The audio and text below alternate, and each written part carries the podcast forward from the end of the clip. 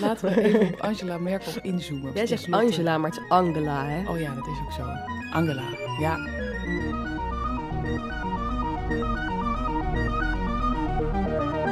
Dit is Radio Merkel. Ik ben Sophie Derksen, journalist, en in deze podcast neem ik je met theatercollectief 90s en de nodige Duitslandkenners mee in het mysterie Merkel. Wat is dan het eerste wat u denkt?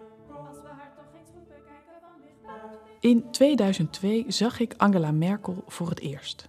Niet van dichtbij, maar op een klein televisiescherm, op een zolderkamer van een kasteel in de Beierse Alpen. Ik werkte daar als kamermeisje, potsvrouw om precies te zijn. Ik was 18 en eigenlijk van plan geweest om koffie te gaan zetten in een hip Berlijns café.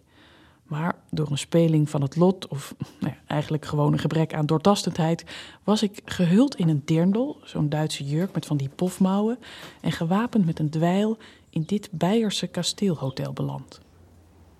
Op de zolderkamer, die ik met drie Deense meisjes deelde, keken we na het schrobben en stofzuigen vooral veel televisie. Naar de beroemde Duitse krimis van Tatort en, heel braaf om onze woordenschat uit te breiden, elke dag naar de Tagesschau, het Duitse acht uur journaal.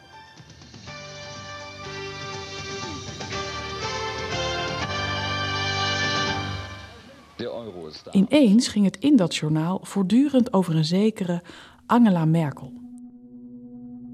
Begin dat jaar was ze fractievoorzitter geworden van de Christendemocratische Partij, de CDU. Haar mannelijke concurrenten had ze één voor één op een zijspoor gezet. En nu was zij het die de fractie van de machtige Christendemocraten in het Duitse parlement leidde.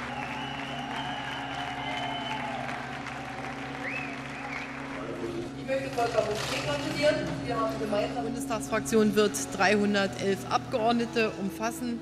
Das ist ein Maar als ze voor de camera's verscheen, leek Merkel in de verste verte niet op een powervrouw. Ze oogde niet op haar gemak, eerder stuurs, verlegen. Ik herinner me dat ik het mateloos fascinerend vond. En ergens misschien ook wat troostrijk. Deze bedeesde, hoekige vrouw die allerlei mannen kennelijk het nakijken gaf. Na mijn kortstondige carrière als kamermeisje ging ik terug naar Nederland om te gaan studeren. Maar in de 16 jaar die volgden, bleef ik naar Duitsland terugkeren. Ik werkte er als journalist en ook een tijdje op de politieke afdeling van de ambassade in Berlijn. Duitsland zag ik veranderen, maar Merkel bleef, net als mijn fascinatie voor haar. Als ik door de stad fietste, dan zag ik Merkel op iedere straathoek.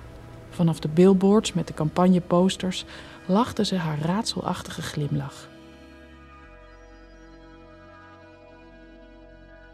U kent mij, zei Merkel tegen de Duitsers in een televisieuitzending voorafgaand aan de verkiezingen van 2013. Maar wat haar bewoog, naar welke toekomst voor Duitsland ze precies op weg was, leek intussen niemand echt te weten. Merkel deed niet aan grote ideologische vergezichten. Haar privéleven hield ze vrijwel volledig buiten de publiciteit. In interviews in de Duitse Libelle onthulde ze hoogstens haar favoriete recept voor pruimentaart of aardappelsoep. In diesem Raum In 2015 hoorde ik Merkel in Berlijn haar Wir schaffen das uitspreken. das Motiv, mit dem wir an diese Dinge, ich habe das eine nationale Aufgabe genannt, herangehen Ineens werd ze het boegbeeld van een ruimhartig migratiebeleid. wir schaffen das. Maar ik zag ook dat haar optreden grote weerstand opriep en dat het vertrouwen in Moetie Merkel begon te wankelen. Sterker, voor delen van het land werd Merkel een haatfiguur, het kwaad in hoogste eigen persoon. En weer dacht ik: wat beweegt deze vrouw? Wat zou er bij al die kritiek in haar omgaan? Dit najaar schreef ik voor de correspondent een serie over Merkels Duitsland. Ik was inmiddels terug in Nederland en weer deed ik een poging het mysterie Merkel op te lossen. Wat was het geheim van Merkels macht? Maar als ik eerlijk ben, heb ik het antwoord op die vraag nog altijd niet gevonden.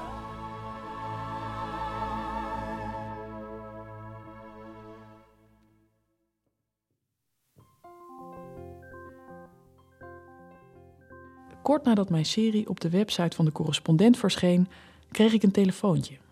Van Jannik, met wie ik ooit twee jaar in de klas zat op de toneelschool in Amsterdam.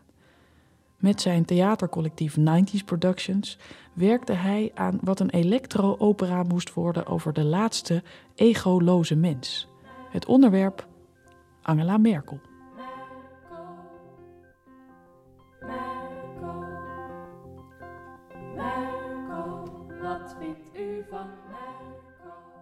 Van mij wilde ze weten hoe ik Merkels macht verklaarde. Maar toen ik zei dat ik het antwoord op die vraag ook nog altijd niet had, besloot ik op mijn beurt om 90s te volgen in hun zoektocht.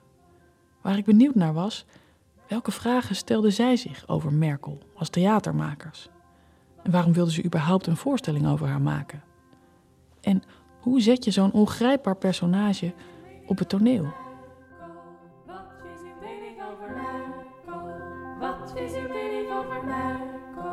Wat uw mening over Merkel?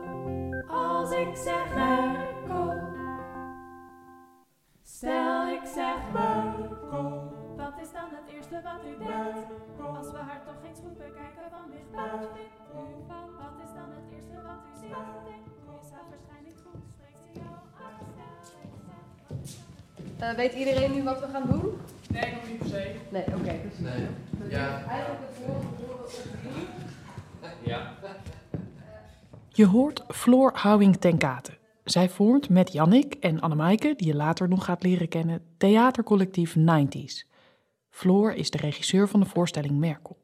Sterker, het was Floor die bedacht dat die voorstelling er moest komen. Volgens mij ging het zo. Eh, Oké jongens, super fijn dat we hier vanavond er allemaal zijn. We hebben allemaal nagedacht over nieuwe ideeën voor de, voor de komende voorstellingen. Ik wil heel graag een voorstelling maken over Angela Merkel. Oké, Floor, en wat gebeurde er toen? Er gebeurde helemaal niks. Er gebeurde heel weinig. Het was meteen zo, Angela Merkel, maar hoezo dan? Wa- Wat is nou interessant aan haar, hè? Dat was echt voor mij een bizar moment. Ik had me helemaal in haar verdiept. Ik was helemaal aan. Ik dacht, deze vrouw, zij is super belangrijk. Zij is de leider van Duitsland, maar stilzwijgend ook van Europa. Eh, die vrouw neemt allemaal hele grote beslissingen die ook voor ons van belang zijn. En niemand weet wie zij is. En zij is een ijskoningin, maar we moeten haar een podium geven. Zij is te gek. Floor vertelt dat ze zelf ook lang geen idee had wie er achter die degelijke, iets wat saaie verschijning op het wereldtoneel schuilging. Het moment dat Merkel echt voor haar ging leven was de zomer van 2015. Het moment van Merkels Weerschaffendas. Het moment dat ze besloot de vluchtelingen die vanuit Hongarije op weg waren naar Duitsland niet aan de grens te laten tegenhouden. Dat is wel voor mij het moment geweest waarop ik heb besloten om eh, meer te weten willen te komen over wie die vrouw dan eigenlijk is die dat heeft gezegd. Zij is voor mij de enige vrouw die ik inderdaad al jaren op alle groepsportretten zie. En die daar best nederig lijkt te zijn, emotieloos, humorloos, dacht ik toen nog. Ik vond haar eigenlijk, waar we het vaak over hebben, meer een soort grijze muis dan dat ik vond dat er heel veel leven in zat. Maar toen dacht ik, dat kan niet waar zijn. Je moet best een heel bijzonder mens zijn om je te midden van al deze haantjes staande te houden. En dan ook nog eens zoveel macht uit te kunnen oefenen.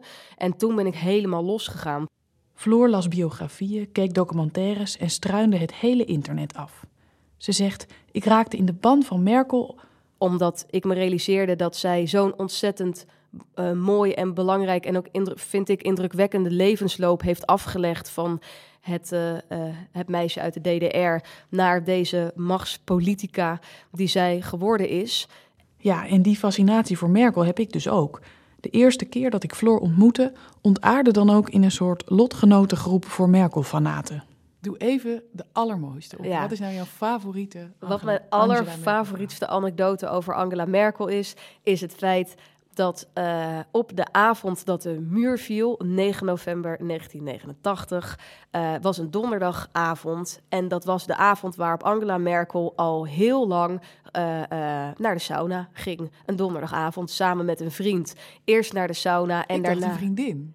Ik heb altijd een heel braaf uitje voor me gezien van twee vrouwen.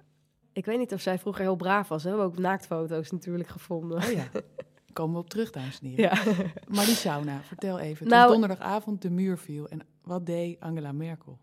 Angela Merkel twijfelde over of ze meeging de barricade op en ging vieren dat de muur viel. Uh, liep naar de plek waar mensen bezig waren met over de muur te klimmen, deels af te breken, in ieder geval naar het westen te vertrekken. Zag daar dat het inderdaad gaande was, besloot er niet aan deel te nemen en rechtsomkeer te maken en gewoon naar de sauna te gaan zoals ze dat elke week deed. En heeft daar uh, gezeten en waarschijnlijk gecontempleerd op wat nu. Um, maar in ieder geval was was wel zo pragmatisch dat ze dacht: ja, jongens, het is ook gewoon donderdagavond. De muur valt vanavond, maar als hij vandaag valt, is het morgen ook nog wel zo. Dus ik ga daar naartoe. En dat beeld van haar alleen in de sauna, of dus met die vriend of vriendin, terwijl daar buiten heel Berlijn in rep en roer mensen elkaar huilend in de armen vallen, er feest gevierd wordt, gevochten. Terwijl zij daar in haar eentje haar wekelijkse traditie zit uitvoeren. Dat vond ik geniaal toen ik daarover hoorde. En wat, wat zegt het voor jou dat zij die keuze zo maakte? Het zegt denk ik meerdere dingen. Dat ze het belangrijk vindt om denk ik niet ten alle tijden deel te nemen aan de emotionaliteit. Dat ze het belangrijk vindt om daarin haar eigen standpunt te behouden. Dat zij dacht, ik ga nu naar de sauna en ik ga nadenken over de volgende stap. Ik ga nadenken over wat ik ga doen. En dat vond ik eigenlijk ook heel mooi. Net als ik heeft Floor alles over Merkel verslonden. Maar waar ik journalist ben en me in mijn werk aan de feiten moet houden, is Floor een theatermaker. En in het theater mag je vrij interpreteren, de wereld en de personages die haar bevolken naar je hand zetten. Neem dat verhaal over die sauna. Ik heb het nog eens opgezocht en Merkel heeft in interviews verteld dat ze die avond wel degelijk feest vierde. Na haar bezoek aan de sauna liep ze over de brokstukken van de muur West-Berlijn in. Ze dronk bier, met wildvreemden tot diep in de nacht. Maar goed, voor Floor maakt dat dus niet uit. Zij mag haar verbeelding laten spreken. Waar ik benieuwd naar ben, hoe heeft ze de rest van theatercollectief 90s uiteindelijk overtuigd dat die voorstelling over Merkel er moest komen? Ik heb in de strijd gegooid uh, uh, dat zij uh, het voor mij het vrouwelijke icoon van deze tijd is. En dat we het heel veel hebben over Beyoncé, Dua Lipa, Lady Gaga, et cetera. Als het gaat over de grote pop-iconen. En Merkel is natuurlijk niet meteen een, een pop-icoon. Maar wij als 90s maken wel meer popachtige voorstellingen. En toen zei ik, dit wordt ook een uitdaging voor ons. Om Angela Merkel, de grijze muis, de vloer op te knallen. En een een pop of een icoon van haar te maken. Oké, en als jij aan Merkel denkt, aan welke muziek denk je dan? Als je de hele tijd bezig bent met iemand die probeert alle informatie over zichzelf te verdoezelen en uh, zegt dat het niet belangrijk is wat mensen wel niet van haar weten, heb ik het soms ook nodig om daar even radicaal tegen in te fietsen. En vind ik het heerlijk dat Pussy Riot met Straight Out of Vagina iedereen eraan herinnert dat we allemaal gewoon van dezelfde plek komen en uh, daarin lekker expliciet is. En uh, net als uh, Bad Girls van MIA heb ik ook heel veel geluisterd. Nee, die in de woestijn met al die precies, chicks ja, op hoor. die jeeps? Ja, precies. En waarom hielp dat bij Angela Merkel? Uh, omdat ik hoop dat, en dat is pure projectie van mijn kant, dat als zij bezig is met haar dagelijkse leiderschap, dat er een vuur in haar brandt wat hetzelfde is als dat gevoel als je luistert naar Bad Girls van MIA.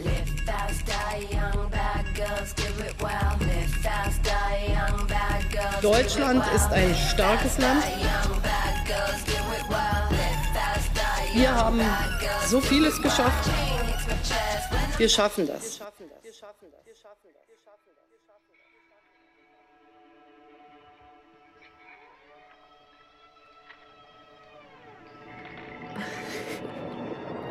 Voor mij blijft het grote mysterie. Is je ogenschijnlijke egoloosheid, de kalmte die je hebt, het vrouwelijke wat je niet wil benadrukken, is dat een strategie vanuit het verder brengen van de wereld met je idealistische geest? Of is het machtswellust? Kennelijk werkte Floors fascinatie aanstekelijk, want uiteindelijk raakten ook haar collega-theatermakers in de ban van dit mysterie. In de komende afleveringen volg ik 90s in hun zoektocht naar Angela Merkel. De vragen die ze onderweg tegenkomen leg ik voor aan andere Merkel-kenners. Zoals bijvoorbeeld schrijver Arnold Grunberg, die de Duitse bondskanselier ooit publiekelijk de liefde verklaarde. Ik kan me Merkel bijna niet voorstellen als een um, seksueel wezen, omdat ze zo gecontroleerd is. Dus er zit ook een hele rare, um, niet-erotische component aan. Zou Merkel wel eens schreeuwen? Dat zijn toch de mysteries. Zo ga ik in aflevering 2 met 90s teamlid Ezra Merkel, helaas is ze geen familie, terug naar Merkels wortels in het vroegere Oost-Duitsland. En zij komt uit de DDR, ik kom ook uit de DDR. Maar weten jullie überhaupt wat dat betekent, uit de DDR te komen? Het is de plek waar de woede over Merkel en haar migratiebeleid het meest heftig aan de oppervlakte komt. Ik praat erover met Jeroen Wollaars, die NOS-correspondent was in Duitsland in de zomer van 2015, toen Merkel weer Schaffendas zei. Hoe heeft hij naar dat besluit gekeken? Hoe idealistisch was Merkel hier? Of was het toch vooral pragmatisme? Zij keek me aan en zij keek eh, naar links omhoog. En zij keek naar rechts omhoog en keek mij toen weer aan en moest lachen en haalde de schouders op zo van... Ja, ik ben een heel klein vrouwtje.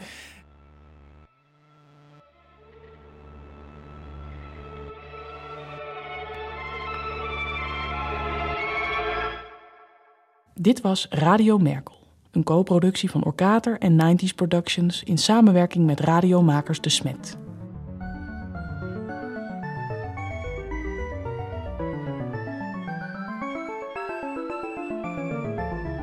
De muziek die je hoort komt uit de voorstelling en is gemaakt door Niels Broos en Annelinde Bruis. En Femke Bosma mixte deze podcast aan elkaar. Alle speeldata van de voorstelling Merkel vind je op www.90sproductions.nl. Oh, en uh, wil je meer mensen meenemen in het mysterie Merkel? Laat dan vooral een recensie achter.